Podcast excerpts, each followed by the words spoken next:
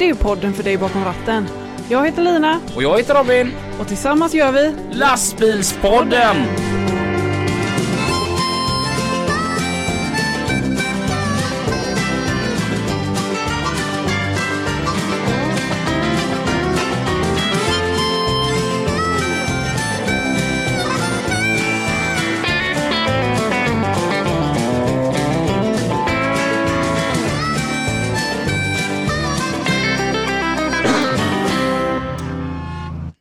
Shit vad god den är. Ja, verkligen. Vilken fika. Ja, Ja, härligt. lyxigt. Spelar vi in nu? Ja. Vänta, jag måste bara ta lite till. Åh helvete vad god den är. Vad är det för någonting? En bakelse med lemon curd. Mm. Mm. Vi fikar idag riktigt god bakelse. Och eh, veckans fika sponsras utav Hillmans Transport. I, från Jönköping. Och veckans gäst kan vi hoppa på direkt. I veckans gäst idag heter... Jonathan Hillman. Oj!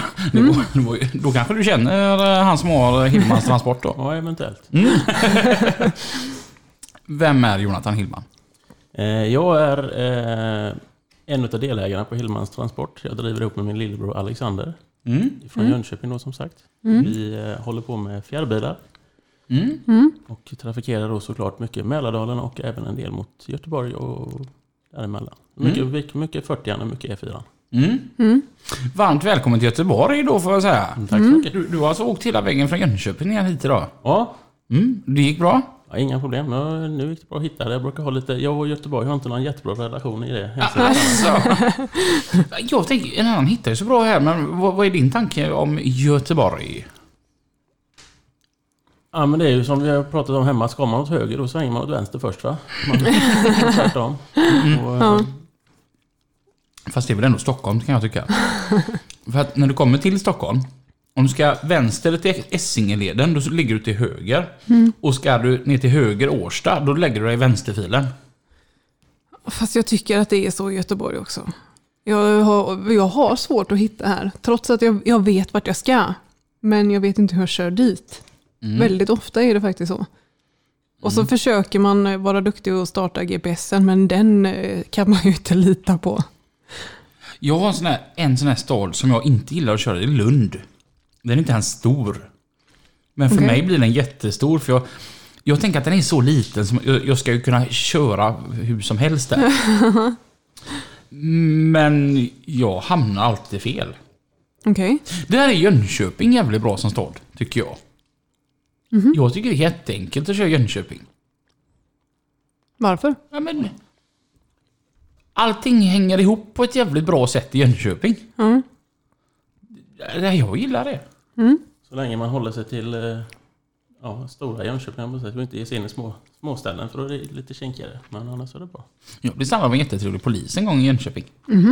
De- De gjorde ett jättestort bygge vid Tändsticks... Området. Ja. Och jag skulle in dit med krandelar.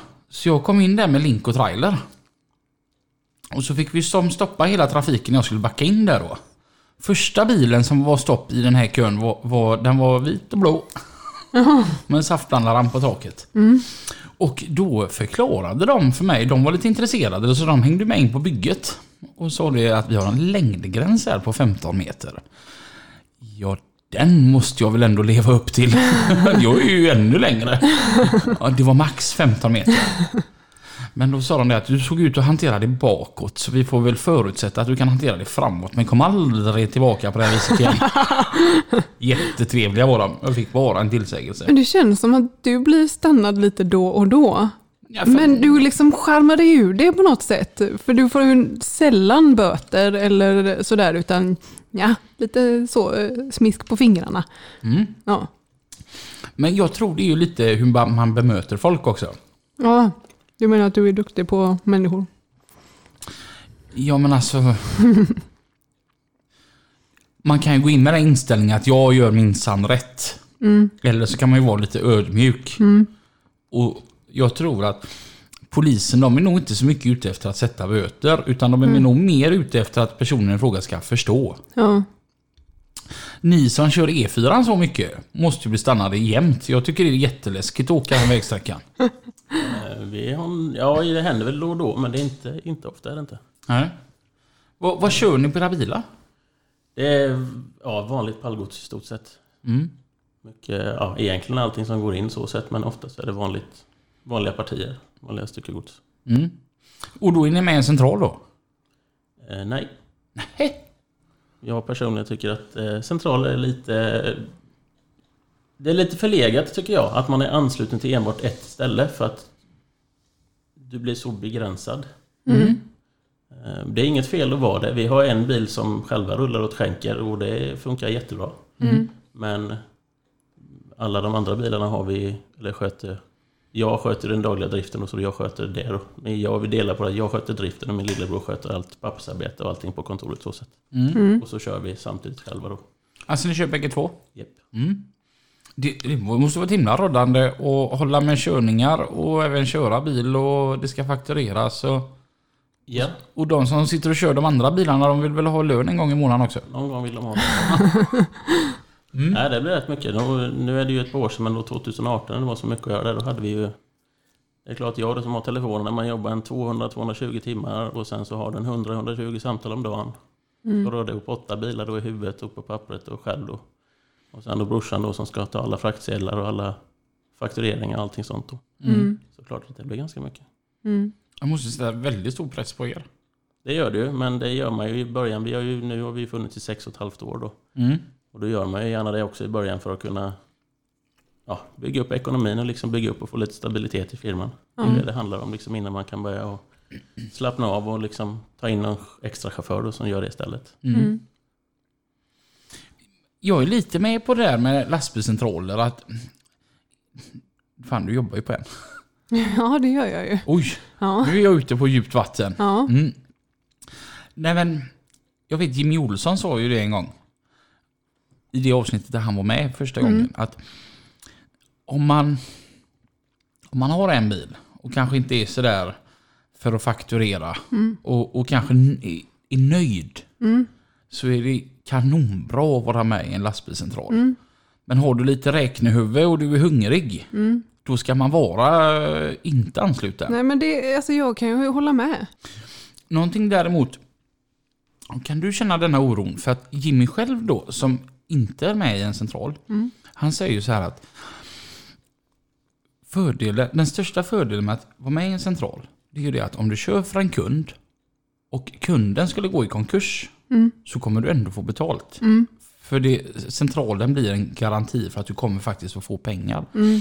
Kan det vara ett stort orosmoment för dig som inte är med i någon central? Vi har ju som sagt hållit igång i sex och ett halvt år. Enda gången vi inte har fått betalt, eh, det var nu 15 000 kronor i år för ett stort bolag gick omkull. Det är det enda som vi inte har fått in. Mm. Mm. Och det är jättetråkigt men i det hänseendet i åkerisvängen så är det ju bankomatpengar liksom. Så att det, är Mm. det får man ju ta. Mm. Mm. Om man då ser till egentligen att vi hade kunnat köra i sex och ett halvt år och ge 8% provision till en central så är de med 15 000 kronor ganska billigt. Mm. Mm. Mm. Ja, så är det ju. Ja, faktiskt. Vad är det roligaste med att vara åkeriägare? För min jag gillar service och kunna lösa kundens problem. När de ringer, när man sitter med, med schemat och man känner att nu är det fullt och någon ringer och man lyckas lösa två svängar till Stockholm, en till Västerås och klämma in det emellan när man har körningar också. Mm. Då, är man, då är man rätt nöjd. Mm. Och kunden blir nöjd. Mm. Och det är jävligt roligt när de, när de, när man, när man, när de frågar kan ni fixa det här? Och man bara ja men jag löser det. Och man får höra för fan vad det är bra. Mm. Det är så jävla skönt att ringa till er. Det bara löser sig. Det fixar sig alltid. Mm. Det är skönt. För jag tänker utmaningen måste vara jättestor på er eftersom, ni inte, eftersom när det- åkeriet är så pass litet och ni liksom både kör och letar kunder själva och fakturerar alltihopa. Det måste vara ett jävla roddande där bakom ratten. Ja visst absolut. Jag Mm. visade dem eh, en, jag har en anställd som har varit lite ansvarig på sitt förra jobb då när, de, när chefen var borta där. Mm. Och visat att ja, men det, här är, det här är schemat liksom för, för morgondagen Mm. i utkast 1. Det här är liksom redigerat. Nu är det utkast 2. Mm. Mm. Och det kommer ändras en gång till liksom, för jag behöver skriva en ny sida där det var liksom Mm. tredje och liksom the final. Liksom. Mm. Mm. Men är det så här, jag tänker, ni som kör så mycket Jö- Jönköping, Stockholm, har ni så här fasta ställen den här, dit, åker, dit åker vi varje dag? Nej, inget sånt. Eh, Den bilen då som jag har som rullar åt skänker rullar ju på Stockholm just. Eh, Den rullar ju precis som vanligt två plus tre svängar då. Mm. Eh, Och den har ju många återkommande kunder, absolut. Mm. Eh, Eftersom den går ju kan man säga linje åt dem upp då. Men det är ju min bil att ta hem, det är mitt ansvar att ta hem den. Mm. Mm. Vilket gör att då är det ju bra att ha de här man... Hade man hållit det till en central då är det de som ska fixa hem den. Om de inte hittar något lass, men då får du praktiskt taget gå hem. Är de schyssta så pytsar de in lite extra så att du liksom tar dig hem och går runt. Mm. Har man då tio ställen man kan ringa där uppe och fixa lite, lite eget så har du en betydligt större chans att, att tjäna lite pengar också. Mm. Så är det att man är, om man är ensam som vi pratade om och är ansluten till en central, det är, om man är perfekt. Om man inte, som, det är många i den här branschen som gillar att köra lastbil Mm. och vill inte hålla på med papper och siffror, för det är väldigt många som inte tycker om det. Mm. Då är det ju jättesmidigt att vara med i en central. Du gör det du ska, du behöver inte bry dig, du tar den lönen du kan eller vill ha då. Och sen funkar det så funkar det och allting annat så får man justera det därefter. Mm. Vi då som driver företag för att tjäna pengar, vi är inte infödda liksom i, i åkeribranschen på något sätt. Utan det har vi... Vi har jobbat, vår far när han levde, han, han har kört lastbil förr.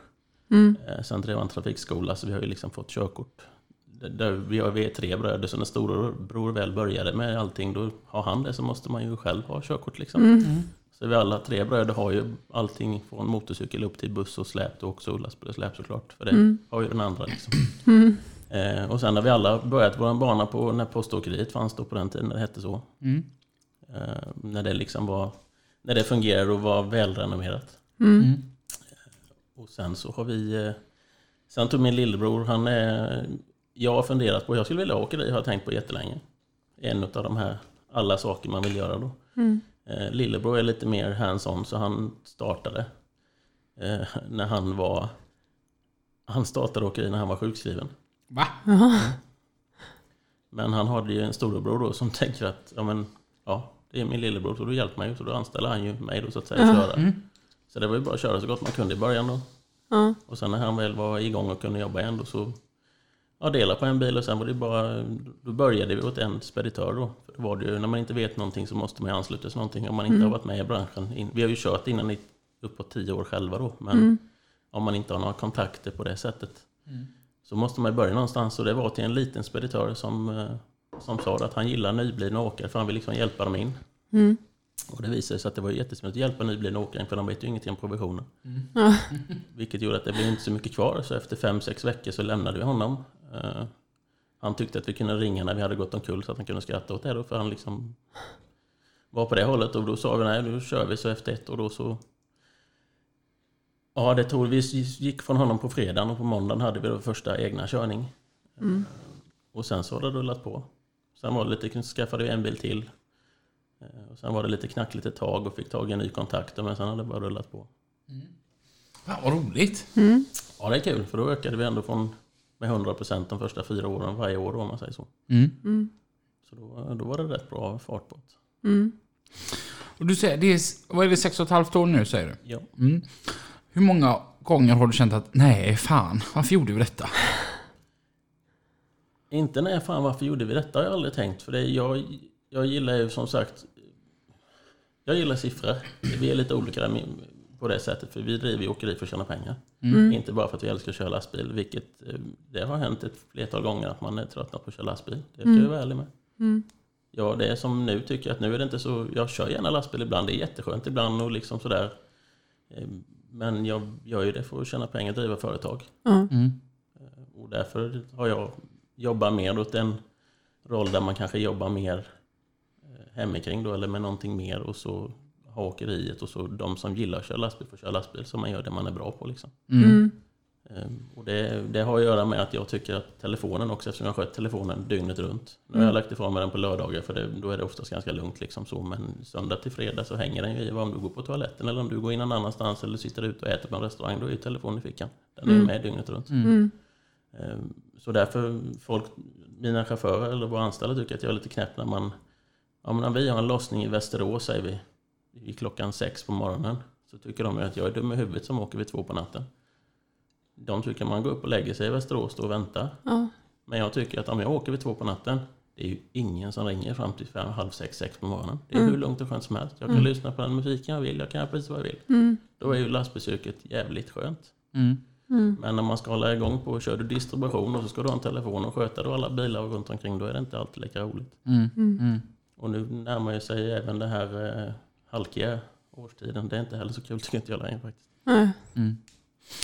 Ja, det, den ser man ju inte riktigt fram emot kanske. Jag tänker som så här. Du pratar om eh, att vi har ju faktiskt varit åkeri för att vi vill tjäna pengar. Yes.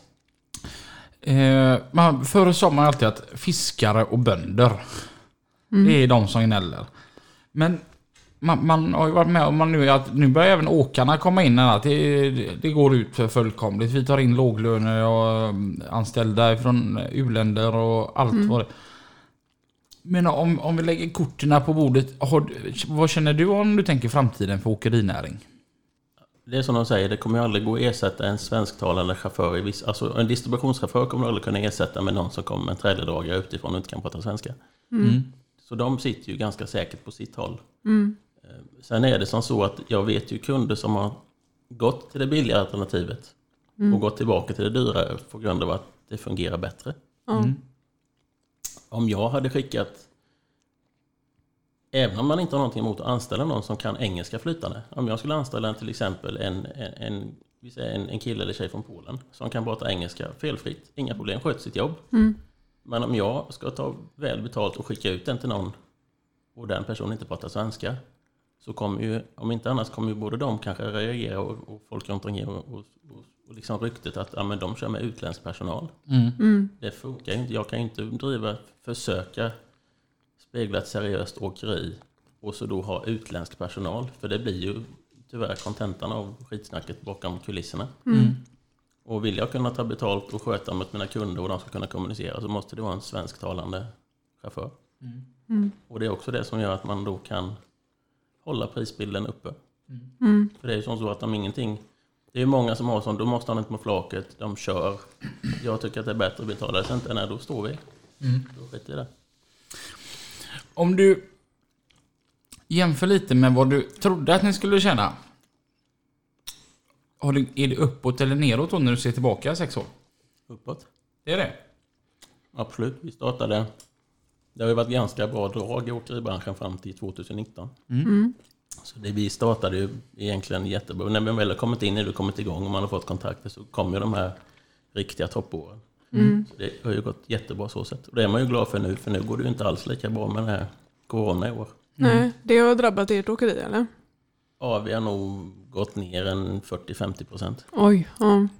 Och det är ju inte alltid så roligt. Som tur var lyckades vi då sälja av en bil ehm, precis ja, efter detta och ändå få nästan i närheten av marknadspris i alla fall.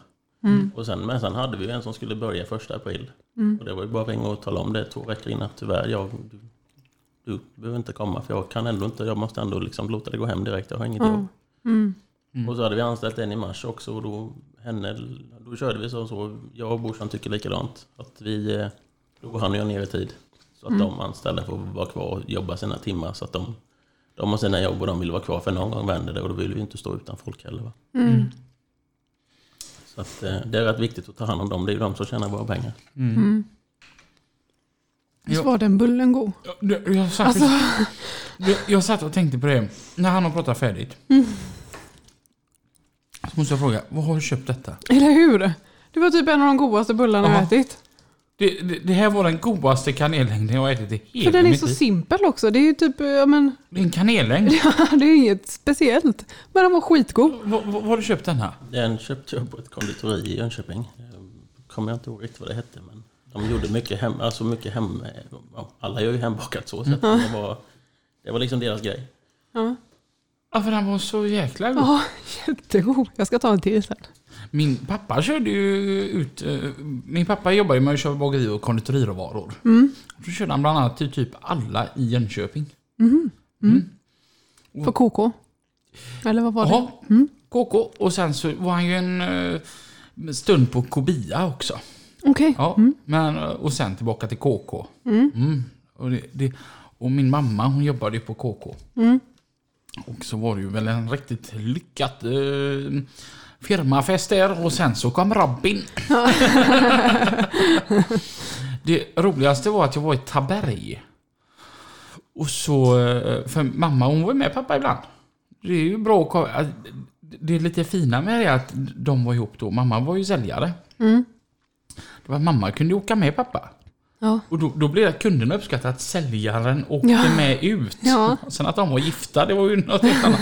Ehm, och så var vi i Taberg, eller jag var i Taberg nu för en tid sedan. Och så såg jag ett konditori där och nu står det still i huvudet vad det hette. Jag måste fan... jag får- Ja, det jag var på. Det hette Lindströms Café och konditori i alla fall. Ja. I Jönköping. Lindströms... Dit ska vi åka. Ja. Fan, jag skickar ju en bild till morsan. Jag och mamma, vi skickar mycket bilder. Jag vet precis hur det är. Har man inte pratat med mamma på en dag så känns det lite konstigt. Ehm, det, var, det var ju så här. eh, När Peter Milander gästade oss. Mm. Så sa han det att ah, han pratar ju så mycket i telefon om Mm. dagarna. Och när han ligger i sängen på kvällen och bara Det var någon jag glömde att ringa idag. Oftast är det mamma. Ja. Jag känner ju igen mig så Ja. i det. Ja. Konditori Rosetten Mhm. i Taberg. Mm. Skickade en bild på. Och bara, Vart är jag? Och hon bara, på Rosetten i Taberg. så att eh, bagerier och konditorier i Jönköpingsområdet, det Mm. kan våran familj. ja. Och det var ju, det var ju där, väl där också som din eh, lite, ska jag bli lastbilschaufför eller bagare? Jag, jag var inne på bagare en bra stund där. Jag tyckte att det var väldigt roligt. Mm. Kul, för jag var faktiskt inne på att gå till kock. alltså, Alltså, Efter jag hade kört lastbil ett tag. Då, eh, 2008, den det var första riktiga nedgången när jag hade börjat jobba då. mm. Då eh, hade jag faktiskt innan dess funderingar på eh, ja, utbilda mig till kock då. Mm. Eller åtminstone gå grunderna, dels för ens egen skull och sen så dels för att kunna jobba med också då självklart. Mm. Mm, mm. Det, det är lite kul när man sprider skurarna. Mm. Jag skulle bli bagare, lastbilschaufför eller radiopratare. ja. Och nu är du poddande lastbilschaufför som fika.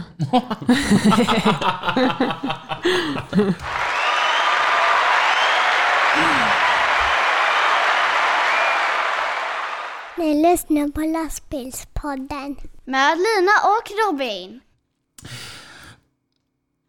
Fan, jag hade frågan på... Vad sånt är jobbigt så här när man bara... När man trycker på den där knappen. Den blåa. Ja, för det ska ni veta ni som sitter och lyssnar. Vi har inga frågor. Nej, Och så, och så hade man och så här, inget schema. Nej, utan man hade så här världens bästa fråga på gång. Jo, det, det tänkte jag på från början när du sa att dina pappa var um, trafikskollärare. Yes. Var det så här då liksom så här vid födelsedagar, eh, jul att grattis du ska få ett motorcykelkort? Nej, inte så. Eh, Det var nog, alltså det föll sig liksom naturligt. För Mm. vår pappa, han, han lever inte längre så, men han levde för det. Han älskade sitt jobb. Mm. Så på sommaren när det var MC-utbildningar, alltså det var ju alla, han, han älskade folk och var social. Och Mm. alla elever ska ju få chansen. Mm. Så att åka vid halv sex eller vid sex på morgonen och komma hem vid tio på kvällen, det var inget konstigt. Det var, Oj. det var ju jobbet. Mm. Så att, eh, och han var väldigt omtyckt och väldigt som sagt social. Och, och man har ju hört det efteråt att folk liksom pratar om, när man har, eftersom vi har ett hyfsat speciellt efternamn, för vi kommer från Nässjö då, från början, eller Bodafors som ligger utanför, men han jobbade i Nässjö då. Mm. Det är många som känner igen en liksom, och han har ju som han sagt utbildat en, ett par hundra elever varje år. Mm. Och han höll igång i 20 år så att det, liksom, det är många som känner igen honom och många som känner igen. Det har man ju fördelar av också många gånger. De kommer ut och känner igen namnet och så är det liksom, då är man välkommen trots att man inte vet vem personen i fråga är själv. Då. Mm. Men jag tänker ni som inte kommer från branschen. Ja. Och och bara känner att fan, eh, nu, vi ska göra någonting ihop här nu liksom, och pengar ska vi tjäna. Och vad, hur naturligt var det så att det skulle falla på transportbranschen och hur, vad, vad var det som gjorde att det faktiskt gjorde det? Det, vi båda körde ju lastbil innan. Mm. Vi är alltid uppväxta med som sagt motorcyklar och bilar. Och när man börjar jobba med lastbilar så är det ju lite kul att lastbilar är ju roligare och häftigare än vad bilar är. Mm. Och därför föll sig det nog naturligt på sätt och vis. Mm. Vi båda, alltså min lillebror när han drog igång det var ju Han var ju 22, kanske 23. Eh, ja, 25 kanske till och med. Eh, Tiden går ju fort. Eh, och då, alltså han tyckte det var fruktansvärt roligt att köra lastbil. Jag tyckte också att det var kul. Så det liksom föll sig lite naturligt. Och så hade vi lite tur. Han fick tag på en körning. Eh, eh, och så fick vi tag på en bil. Det var en tre, fyra dagar. Så skulle vi dra igång veckan efter. Så det var liksom lite snabba puckar då va. Så det var ju bara att... Ja, jag då som gillar siffror och sånt har ju sparat undan lite pengar så det är bara att låna ut de pengarna till honom anbudet till kontantinsatsen och sen drog vi igång bara. Då var det bara att köra. Och sen har det ju rullat på som sagt, gått jävligt bra. Det är jävligt kul. Vad är det som är kul med siffror? Tjäna pengar, alltid kul. nej, men, nej, men jag har alltid, jag har alltid haft lätt för matte och siffror och sånt. Och liksom årtal och eh, så matte och historia har liksom funkat bra för det är många siffror liksom. Så sätt. Mm. I grund och botten. Sen är det lite sunt förnuft. Och det är ju, jag tycker det är jätteroligt när man pratar med folk. För det är alltid folk säger ju alltid jag har inga pengar. Och så frågar man men, men vad tjänar du liksom i lön? Ja men då är det si och så. Ja men om du tar det ändå hyra. Och så lite grejer och så säger ja men då har vi helt plötsligt 10 000 kronor i månaden. Vad gör du för dem då?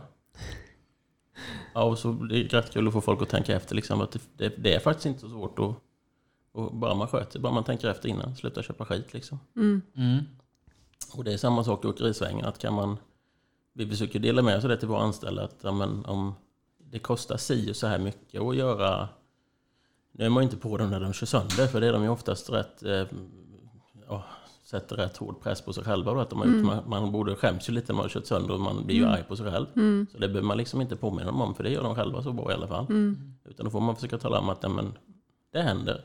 Det är liksom ett arbetsfordon. Det, det, det gör ingenting. Vi, vi försöker ha ordning på våra fordon och allt sånt. Och det är ju tråkigt när det går sönder, men det händer ju.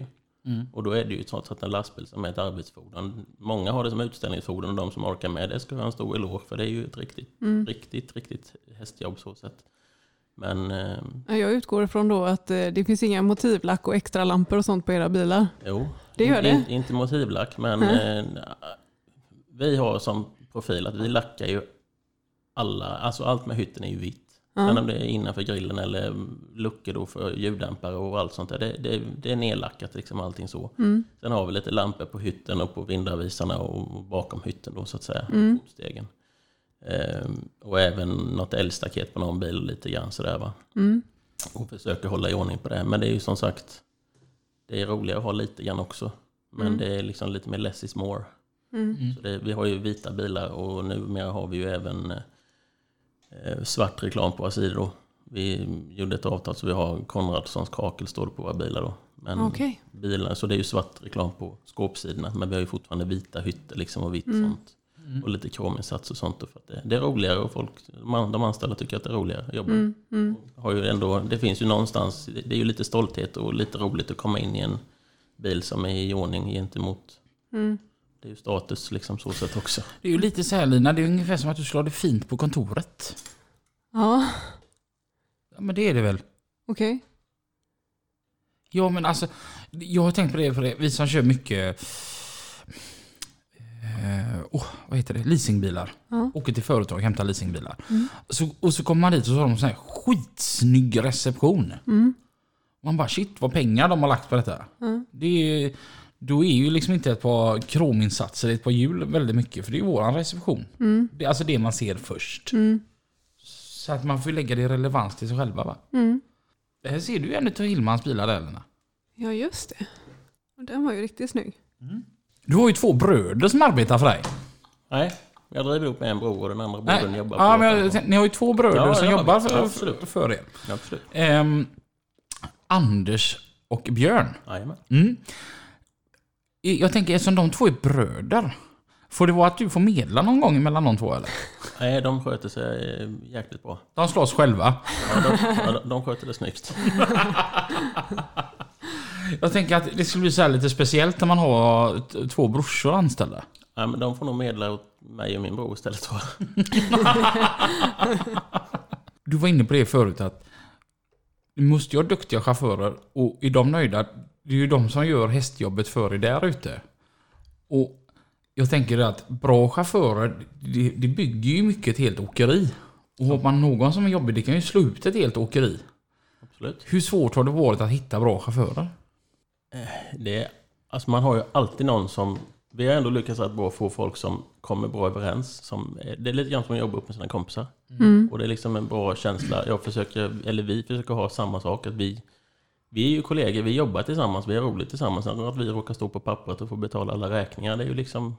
Det får man ju ta då. Men man, är inte- i övrigt så är vi liksom på samma nivå som de andra. Så hos oss så är vi liksom inte att...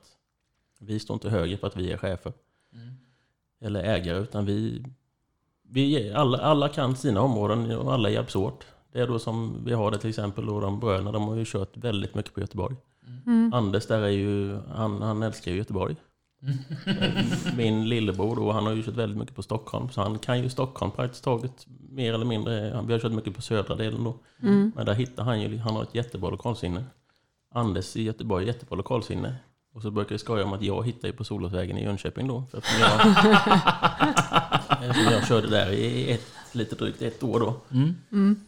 Så jag får liksom ta när de ska hitta. Så jag hittar ju till Dragon där då, som vi pratade om innan och alla de här restaurangerna. Men, eh, och de andra, när jag är nere i Göteborg så skrattar de åt mig då eftersom jag har svårt att hitta här nere då. Ja, när vi ändå har, har, mikrofonen på här då. Restaurang Dragon pratar jag, jag ligger ju precis där ni parkerar era bilar. Så frågar har du varit där någon gång? Det är ett litet tips eh, från coachen eller podden eller vad man ska säga idag. Att restaurang Dragon i Jönköping på Solåsvägen. Fan vad gött det var där. Där var jag riktigt nöjd med maten. Jag stannade där här om veckan. Kommer göra det igen för det var väldigt gött. Så att när, när du förklarar hur ni driver ert åkeri. Då låter det precis som eh, min vän Jonny Lantz från Växjö som driver Smålands biltransport. När han säger att på min firma råder eh, demokratisk diktatur. Det innebär det att jag är mycket intresserad av att höra vad alla mina anställda har för åsikter, men det är jag som bestämmer. Så är det faktiskt. Gillar du det ordet eller? Det, ja, men det stämmer. Demokratisk diktatur, det är ju helt underbart. Man är ju intresserad av att höra vad de faktiskt tycker. Man kan ju faktiskt ändra åsikter om man inte är... Man får ju vara så ödmjuk som man faktiskt kan ändra åsikter. Och eh, det är ju som sagt det här med man måste ge lite grann till dem också. Det handlar om att ge och ta och det tycker de ju samma sak. Om de ställer upp för mig när jag, eller för oss då när vi sitter i, i kanelen liksom och behöver hjälp med och kan du köra fredagkväll? Ja men, det, ja men då säger de bara, ja men det är väl min tur att ta det. Och sen vet de att om det tar tre dagar eller tre år innan det kommer till godo så någon gång kommer det till godo. Ja. Blir det den andra familjen? Alltså vi umgås ju även ibland på helgerna så det blir ju lite så ja.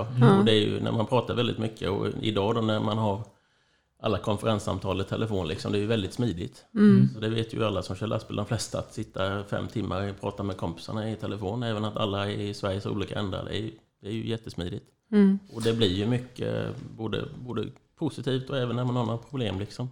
Om det är hemifrån också så får man ju, kan man ju vädra det också. Det är en väldigt bra grej med att köra lastbil tycker jag. Alltså de här konferenssamtalen. Alltså att man, man väljer ju ut sina kollegor. Alltså, ja, men det blir ju lite så. Ja. Du vet, så kan man ringa upp och så, här, och så kan man sitta där och hänga där i typ tre, tre och en halv timme, fyra timmar. Bara, nej jag orkar inte med. Och så lägger man bara på. Det är fan en frihetskänsla när man kör lastbil tycker jag. Man väljer hur mycket, vilka kollegor man vill prata med och hur länge. Det tycker jag är en bra grej. Ja. Mm. Är du avundsjuk? Nej. Nej. Hillmans transport om tio år. Om tio år? Att det finns kvar, det gör det nog, det tror jag. För det är ändå sådär första eh, åkeri, första företag. Man vill ändå att det ska funka. Sen om man satsar på att man ska jobba upp det till att vara mer självgående som ett stort åkeri. eh, Det tror jag är mer realistiskt än eller att man har det kvar och låter någon anställa någon som är driftansvarig. För att både jag och min bror har lite andra, att man vill göra lite andra saker också. Mm. Så att bara jobba med åkeriet för att man har hållit på med det, det... Nej, försöka, försöka göra lite mer grejer tror jag. Är du såhär split vision? Och, jag, jag tänker som du, du pratar om det här med att du gillar siffror och du vill kunna tjäna pengar. Är du så här så att du är så här open-minded och tänker att fan, ett sånt företag finns inte? Och liksom bara känner att det måste jag starta. Alltså man har den tanken sen när man söker upp det så finns det ju, för det är ju alla, alla det finns ju så mycket idag. Ja. Liksom. Till exempel en kompis till mig som han ska köpa studsmatta. Till sina ungar. Och så att det fanns bara två stycken företag i hela Göteborg som sålde studsmattor. Varför är det så lite konkurrens mellan studsmatteförsäljarna? Ja. Och bara insåg att här kan vi tjäna dollares. Ja. Sånt där du vet, som en annan aldrig tänker på. Ja. Jag är nog mer inne på att det går... Vad du än vill göra så tror jag att det går att göra det. För det gäller bara att göra ett bättre jobb än vad de andra gör. Och i dagens läge har det blivit... Det är ju som många säger, det här med sunt förnuft och vanligt. Alltså, det, det, det känns som att det blir mer och mer ovanligt. Och så länge du har en schysst grej och framförallt kan hålla service uppe och ha någon personlig kontakt så tror jag att det går att sälja.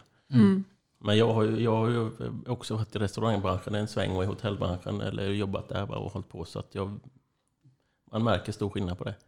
Om du får jämföra de branscherna.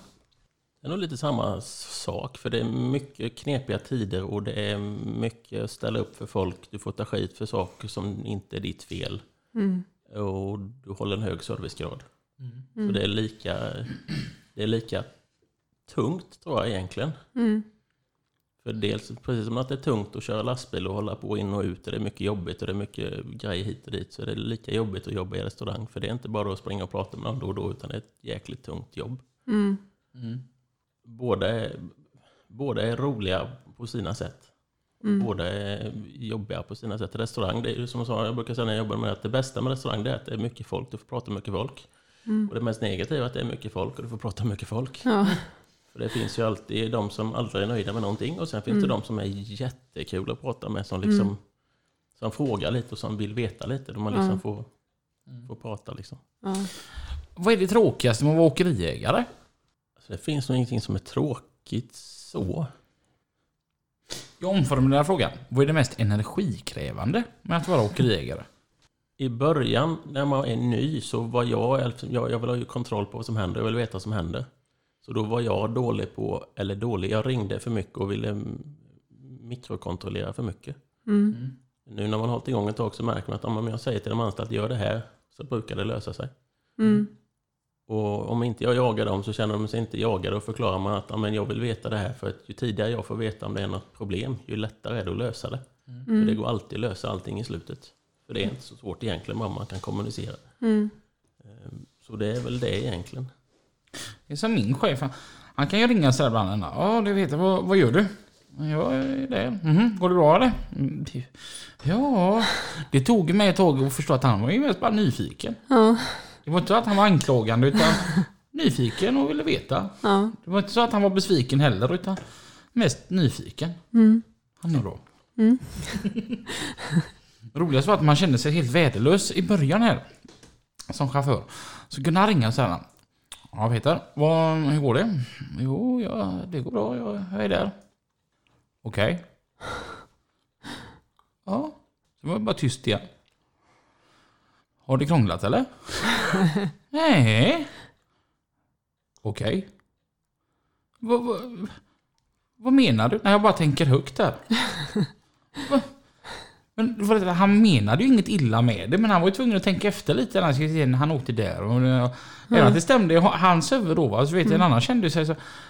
Fan, jag är helt värdelös. Så, så jag, när jag hade jobbat i typ 3-4 månader så bad jag ju honom åka med mig. Ja. Och han bara, varför då? Någonting gör jag ju fel. Vadå? ja men du, för jämt frågar du om det är någonting som har krånglat. Jag känner mig kass. Ja. Nej, nej, nej, det är ingen fara. det är snack om att lära känna folk. Liksom. Ja. Men jag känner igen mig det med. Jag var nog lite likadant. Man ringer någon som kör i Stockholm. Har du tio stopp i Stockholm? Så tar det en stund. Och det kan ju vara så. Vi försöker alltid hjälpas åt och vi lägger upp det så att du ska slippa kö och liksom kör då på rätt håll för att slippa det och allting. Men ändå så kan man ju ringa och fråga. Men sen ju längre åren går, eller när man kommer in i det så kommer man ju på, man förstår ju att det är ingen chaufför som går och drar fötterna efter sig. Alla, alla gör så gott man kan. Ibland har man lite sämre dag. Ibland kan du sitta en och en halv timme i kö på någon väg. Ja, det är ju inte ditt fel. Det tar tid. Men det är också som vi har pratat om att om jag vet om det, eller det kan ju vara så att jag håller på att planera tre dagar framöver och då vill jag veta om, om, om man hinner hem och göra det man ska efteråt eller nä, lasta upp nästa last. För då kan, du inte lasta upp nästa last innan fyra, ja men då spricker det för då är du inte där förrän morgonen efter. Och då har du ju tappat 12-15 timmar på, på någonting som du egentligen behöver göra då till två dagar framöver. Då måste man ju ta in det och så försöka göra det. Så kan man bara förklara och kommunicera varför man vill veta. Så brukar det inte vara någon fara. Jag fick en väldigt bra vinkling utav en som hade granskat transportbranschen. Och hon sa det att hon aldrig varit med om en bransch som är så rörig. Hon sä- säger det att man, man brukar säga att bara riktiga experter hanterar kaos. Hon sa det är ju eran jävla bransch hela tiden. Och jag bara, vad, vad menar du? Alltså, vad är det kaosiga? Nej men, det är det ni vänder bilar liksom som är på väg till någonstans. Kan vändas liksom bara, du åk dit istället. Varför då? För du passar bättre dit. Vi tar en annan bit. Ni säger att ni ska göra det här dagen efter och sen bara fem i fyra på eftermiddagen. Nej, vi åker dit. Aha. Och, och hon sa det, det, det känns som att det är som ingen struktur överhuvudtaget. Sen när det blir fredag eftermiddag och så bara ser man bara hur räddar de ut allt detta? Jo, alla paket är där de ska vara. Hon sa det finns alltså rörigare bransch och ni ändå får ihop det. Hon sa det. Det är fan en honör. Ja. Håller du med på det sättet? Ja, men det är ju, det, trafikledare har ju en jäkligt stor roll i det alltså. Ja. För det finns ju duktiga trafikledare, sen finns det de som är mindre duktiga. Och sen finns det de som kanske inte skulle jobba med det alls. och det, det... Jag har ju hört om ja, anställda jag som har sina gamla trafikledare, de säger att lös problemet. Och visst, det är ju, kan ju vara sporrande till viss gräns att lösa problemet. När man gör det själv då som chaufför, då blir man ju glad liksom. Men kör man med det jämt, ja jag sitter skit, jag vet inte hur jag ska lösa det, lös det. När de på, på kontoret säger att det inte är deras problem. Då, det har jag ju jävligt svårt eftersom jag gillar, och, jag gillar att serva och hjälpa till. Då måste man ju liksom, man löser det tillsammans.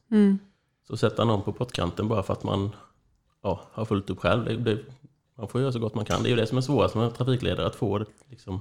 När det är mycket att göra så är det mycket att göra. Någonting som krånglar, då, det tar ju lång tid alltså. Har du själv kunnat känna så att du vill arbeta som trafikledare istället? Att liksom gå ifrån att köra och bara sitta själv och dirigera och, och försöka bygga lass? Förr hade jag det. Jag sökte till och med jobb som trafikledare. Ehm, fick det inte riktigt då. Jag fick det nästa, men jag liksom räckte inte ända fram. Ehm, och sen då så eh, tyckte det verkade jätteroligt. Men jag har också förstått att det är fruktansvärt stressigt. Så i dagens läge vill jag inte jobba med det så sätt. Jobbar man på ett stort företag, som, som när man pratar då, som när vi har, när jag har kontakt med trafikledarna på Schenker då. De får ju in lassen. De behöver inte jaga dem. De får ta det de får in, det får de jobba med och så får de planera ut det. Så det är ju bra på ett stort företag eller en central och de får ju in jobben. Ehm, Det är ju värre eftersom jag då som sitter och inte har någonting sånt utan då ska du, de jobben då in, sen ska du försöka Antingen kommer det in ett tre timmars jobb du ska pussla in emellan och det brukar alltid gå att lösa. I fler bilar man har det kan bli att man får dela det på hälften men det går alltid att lösa. Eh, Sen kan det ju vara som så att du inte har någonting. Om du har någonting på morgonen i fyra timmar, sen behöver du inte lasta förrän på eftermiddagen. Vad, ska de göra emellan? Då gäller det ju att hitta någonting där. Vad kan man göra? Och det är ju, sådana utmaningar är ju kul. Men sitta med det jämt, det tror jag skulle vara, inte för min del tror jag inte. Det, Jag testade på det under ett halvår att vara trafikledare. Och alltså, det var lätt för mig att gå tillbaka och börja köra. Det förstod jag fort. Men jag är jävligt glad över att jag gjorde det. Ja. du har en helt annan förståelse för allting. Ja, helt plötsligt så, så kom jag ju fram till det att Trafikledare är inga idioter. Nej, men alltså... Jag tror att jag har blivit mer som så att vi gör detta tillsammans. Ja. Jag och min trafikledare. Alltså, det är ju som så här att en trafikledare måste ju ha en lastbil för att få lösa sina grejer. Så har jag ju bara tänkt hela tiden. Att jag hjälper ju honom. Mm, eller henne. Men nu har jag ju även förstått att en lastbilschaufför behöver en trafikledare för att ha någonting att göra. Alltså, jag menar, alltså förståelsen, bron däremellan har ju blivit mycket bättre. Vilket jävla jobb de har. Mm, och förstå att man, det kan ju vara tråkigt att behöva, om en trafikledare ringer. Kan du göra det här? Kan du smita emellan med det här? Ja, fan vad jobbigt och tråkigt. Men det kan ju behövas. Har man suttit på den stolen som trafikledare så förstår man ju det att det lilla grejen kanske löser väldigt mycket problem i andra änden. Det kanske sparar jobb åt, om jag gör det så kanske de slipper flytta på tre bilar som behöver lösa varandras problem för att kunna lösa det i slutet. Och sen någonting som jag lärde mig väldigt fort som trafikledare. Lärde mig två grejer. Alltså, ett, chaufförer är jätteduktiga. Två, chaufförer verkar tro att om någonting är skittråkigt och de vägrar ta det så försvinner jobbet. Du vet, man ringer någon till, Man ringer en om någonting. Hej, jag har det här. Det här är jätte, ett jättetråkigt uppdrag att utföra. "Ah, Nej, det vill jag inte ha. Okej, då ringer jag till din bästa kompis Kalle. Nej, det är ju elakt. Jo men alltså allvarligt talat, tror du att det här jobbet försvinner nu bara för att du vägrar? Så spelar jag ut dem lite mot varandra. Du får ta ett jobb här som Anders inte ville ta. "Men Vad fan, nu varför kunde inte han ta det då? Mm, han tyckte det lät tråkigt. Men det skiter väl jag i. Och så får Anders ta det ändå. Japp. Japp. Smart. Ja, nej men alltså om vi ska vara helt allvarliga. alla hade behövt kanske jobba någon dag eller två som trafikledare. Får du mycket skäll? Eh, Jag får en del skäll. Mest ifrån kunder. Inte så mycket från chaufförerna. Okej. Eh, nej men det kan vara att man har lovat ett eh, jobb och så lyckas man inte lösa det. Eller bilen kommer inte i tid och sådär. Då får man höra en del som man eh, egentligen inte borde höra. Mm. Men det är väl också ett problem för att säljarna har lovat någonting som du som trafikledare ska lösa och sen ska chauffören hinna med det. Nej, alltså eh, ja, det kan vara lite så. Men eh, nej, mest är det väl det att, man, alltså, att det ringer in någon. Hej, kan ni lösa det här? Jag har ett, ett jobb här. Ja, det ska jag väl kunna lösa. Och så kanske det tillkommer lite under tiden man pratar att ja, just det, vi ska lyfta 100 meter också och det är eh, klockan tre på natten. Man bara, ha, okej. Ja, då ska vi se här. Är du den realistiska eller den charmerande trafikledaren? Vad menar du? Nej, men jag tänker som så här att eh, Hej, mitt namn är Robin. Jag behöver en kranbil som gör detta. Och du är sån Jajamän. Klockan tre sa det du. Han är där två minuter. Du behöver 28 tonmeter. Du får 35. Alltså, är du den som lovar och lovar och lovar och lovar? Eller är du den Ja, vi ska försöka ordna detta. För. Jag är nog en blandning. För jag, jag kan inte säga nej. Eller jag har väldigt svårt för att säga nej. Jag vill ju gärna ta jobben. Eh, sen försöker jag alltid att prata med kunderna och säga att ja, du vill ha en bil klockan 11. Men det är inte, vi kan inte lova en sån tid, måste man alltid säga. Den enda tiden vi kan lova är direkt på morgonen för då vet man att de eh, kommer om det inte har hänt någonting i trafiken. Men klockan 11, det är skitsvårt för att man vet inte. Den som vill ha ett snabbt första jobb kanske fastnar på det jobbet och blir kvar i fem timmar och då löser han inte det här 11 jobbet. Mm. Så att, eh, ja, jag, säger, jag säger inte gärna nej till jobb, men jag försöker eh, att säga att vi ska försöka så gott vi kan. Vem är du i detta Jonathan? Eh, vi, jag försöker bara ta på sig jobb man klarar själv. Ja. För vi har haft vissa samarbeten med andra åkerier förut. Det funkar väldigt, väldigt sällan. Det är alltid... eh, Man blir lovad som sagt saker och så får man ingenting tillbaka och då är det... Då är det bara tråkigt liksom. Då är det bättre att vi skiter i det. Kan vi inte själva, då säger vi nej. Det har hänt någon gång att man tar in någon och då är det ofta, då kan det bli en sån liten grej. Då tänker man att fan om det kör ihop sig nu, då får ju jag skiten för att någon annan inte kunde lösa det de har lovat mig. Ja. Då är det bättre att jag löser det själv. Men det har ju hänt att när de sitter så som säger det tar fem timmar att lossa istället för en timme. Ja. Då är det ju jäkligt skön- skönt att ha en central bakom sig som man kan säga Ja. till. Ja, vi kan ju inte det. Jag får lösa det själv. Men kan, får man bara pussla lite, ringa lite och sen har man vissa kunder, då vet man ju det att man kan... Om jag ringer och talar om att det här skiter sig. Mm.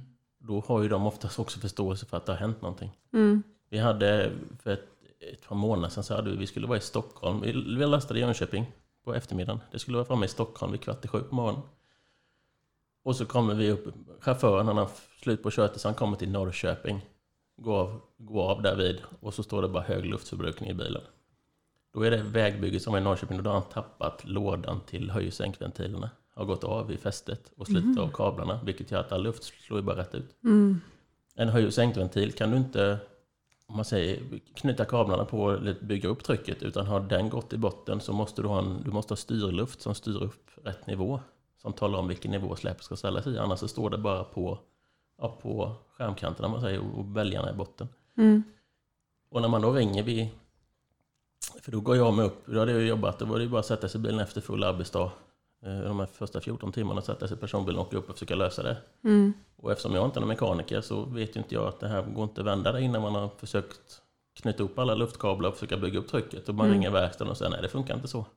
Och fan, nej, nu är en halv elva på kvällen, hur löser vi det? Nu ska vi fram i Stockholm vid sju. Ja men det var ju bara chaufför, koppla loss släpet och kör fram 30 meter och så lägger du det och sover. Ja. Sen är det bara då vid halv elva på kvällen försöka hitta någon som kan lasta om. Ja, vi, då, då, var det, då hade vi tur, så då satte sig brorsan i bilen i Jönköping. Upp till Norrköping med ett nytt släp. Hitta ett ställe på natten i Norrköping som kan lyfta om. För det var sånt gods som inte gick att flänsa utan de var stora. De var fyra meter, fyra meter långa kolli. Och vägde två ton styck. Så då bara hitta ett ställe som lyfte om det där. Så när chauffören vaknade på morgonen och man kunde ringa trafikledaren vid fem på morgonen. Du, bilen är framme i Stockholm klockan sju. För när chauffören vaknar då vid fem på morgonen i Norrköping, kopplar ett nytt släp och åker vidare. Och allting bara löser på kvällen. Då är det jävligt skönt. Men den trafikledaren förstod ju också att det kan köra ihop sig. Då sa han bara att ring mig imorgon om det har löst sig. Har det inte löst sig så får vi ta det problemet då. Mm. Det var ju sånt som skulle gå in på kranbil till Stockholm centrum då. Skulle vara inne en viss tid. Mm. Så problem uppstår ju. Det mesta går att lösa bara man inte blir arg och liksom...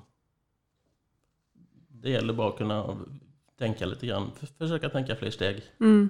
Tänka lite outside the box och så liksom lösa problemet. Mm.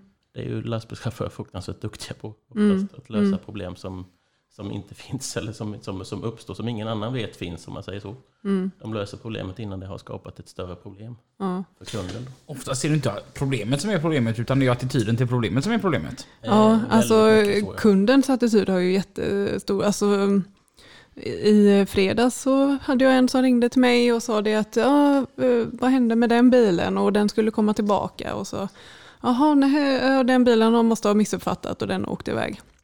Jaha, okej, ja, vad tråkigt. Så han hade jättebra attityd. Men så hörde man någon då i bakgrunden som liksom, de får fan med lösa det här och är liksom arg. För då blir jag lite så här, hmm. För jag, jag blir ju lite, lite arg av arga kunder. Mm. Ja. Så att för han som skrek där i bakgrunden så ville jag typ inte lösa det.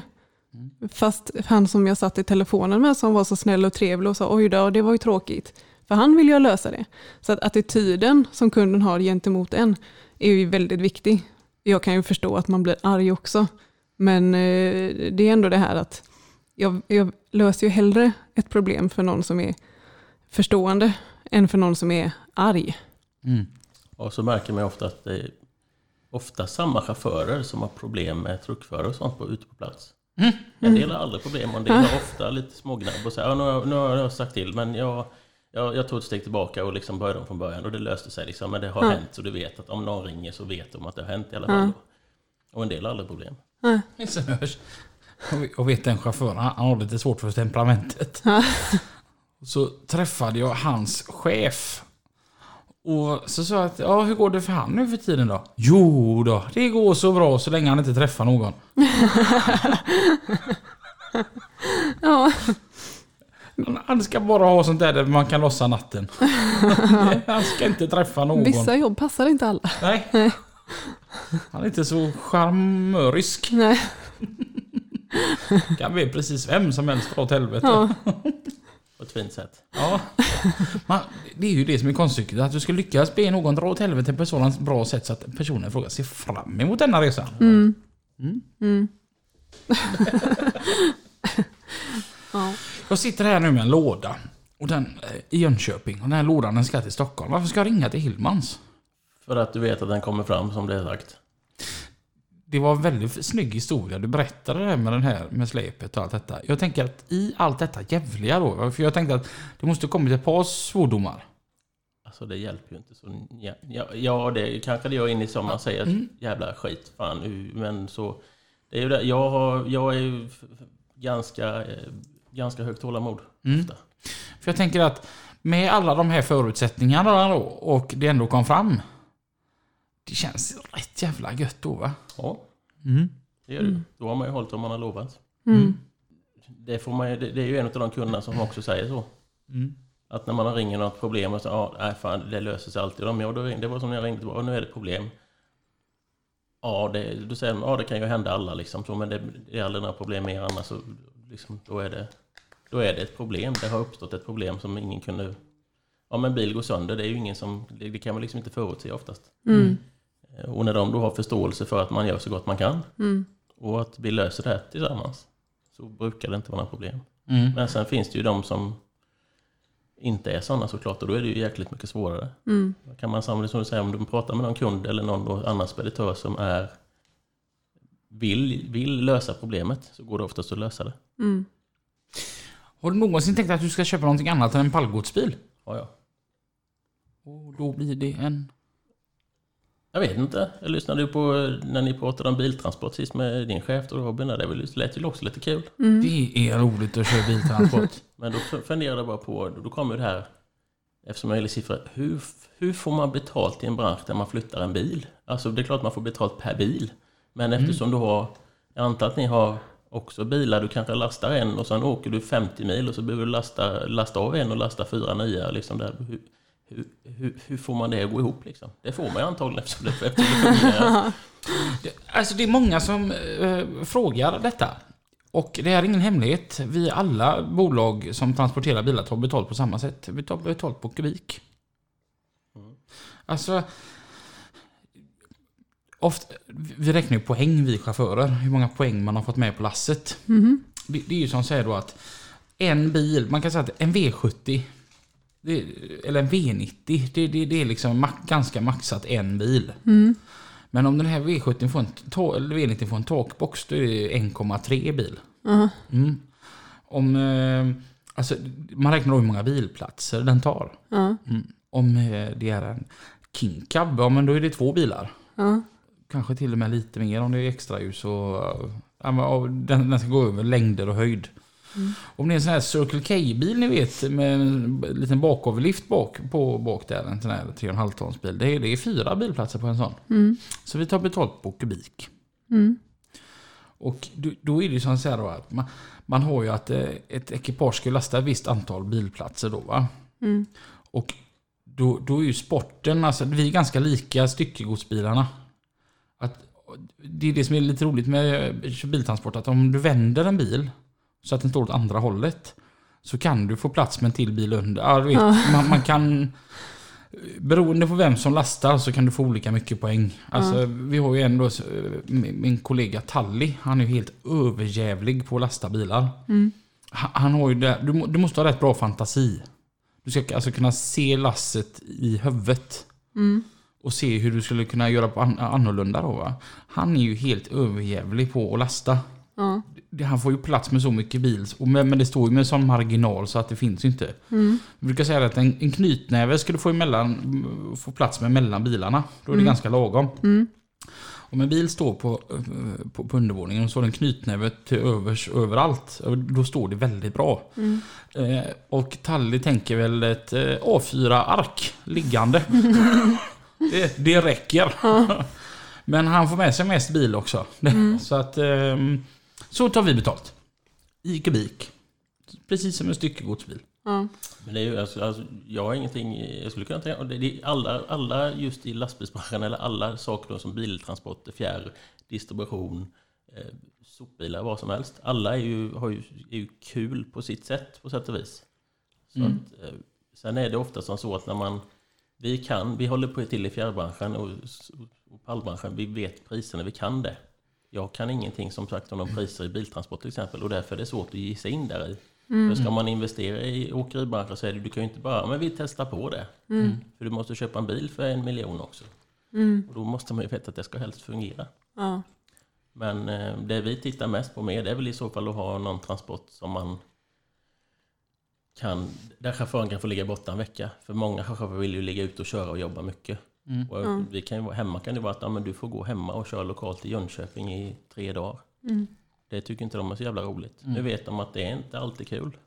Och alla jobb måste göras. Men om man då kan släppa iväg dem, att de får rulla på ett schema en vecka eller i stöten eller en gång i månaden får ni åka iväg och så är ni borta en hel vecka. Så man liksom kan tillfredsställa det behovet. Och det vet jag ju att Ricciardo som gillar ekonomi så är inte det det bästa valet. För många sådana fjärrbilar har ju ganska ansträngd ekonomi. Men om chaufförerna blir glada av det så ger ju det... Det återbetalar sig liksom. Det får gå. Om det är en plus minus bil, plus minus noll bil så får den ju, då kan det gynna resten om man säger så. Så det är väl det. Sen eh, jag skulle kunna tänka mig kranbilar och grusbilar och diverse. Det är inte så noga liksom. Jag är lite med på det tänker. Jag, jag, jag har ju någon fascination av lastväxlare. Jag tycker det är roligt. Och så sa jag till Peter att Peter, vi vill ha över en lastväxlare. Och, och då säger Peter att Robin, vi har hållit på i snart 30 år med bärgning och biltransporter. Och jag vill säga att vi är ett väldigt bra bolag att anlita när det kommer till det. Vi ska hålla på med det vi är duktiga på. Ja, men vi kan väl ha en lastväxlare i alla fall. Man kan köra en bil på den med. Det kunde man inte. Nej. Nej, ska inte ha någon lastväxlare. Tänkte vi kunde ha en som man kunde ut och åka lite med ibland. Ja. Mm, nej, var tvärnej. så att jag är med på hur du tänker. Eller ja, via min chef så är jag med på hur du Ja, jag tänker. det. Vi har gått över tiden Lina. Ja. Vad är detta? Ja. Vi eh, riktar ett stort, ett stort tack till Jonathan Hillman för att du kom ända från Jönköping idag och pratade lite åkeriverksamhet. Och vi hörs igen. Nästa vecka. Tills dess. Kör försiktigt. Ha det bra. Hej då. Hej hej.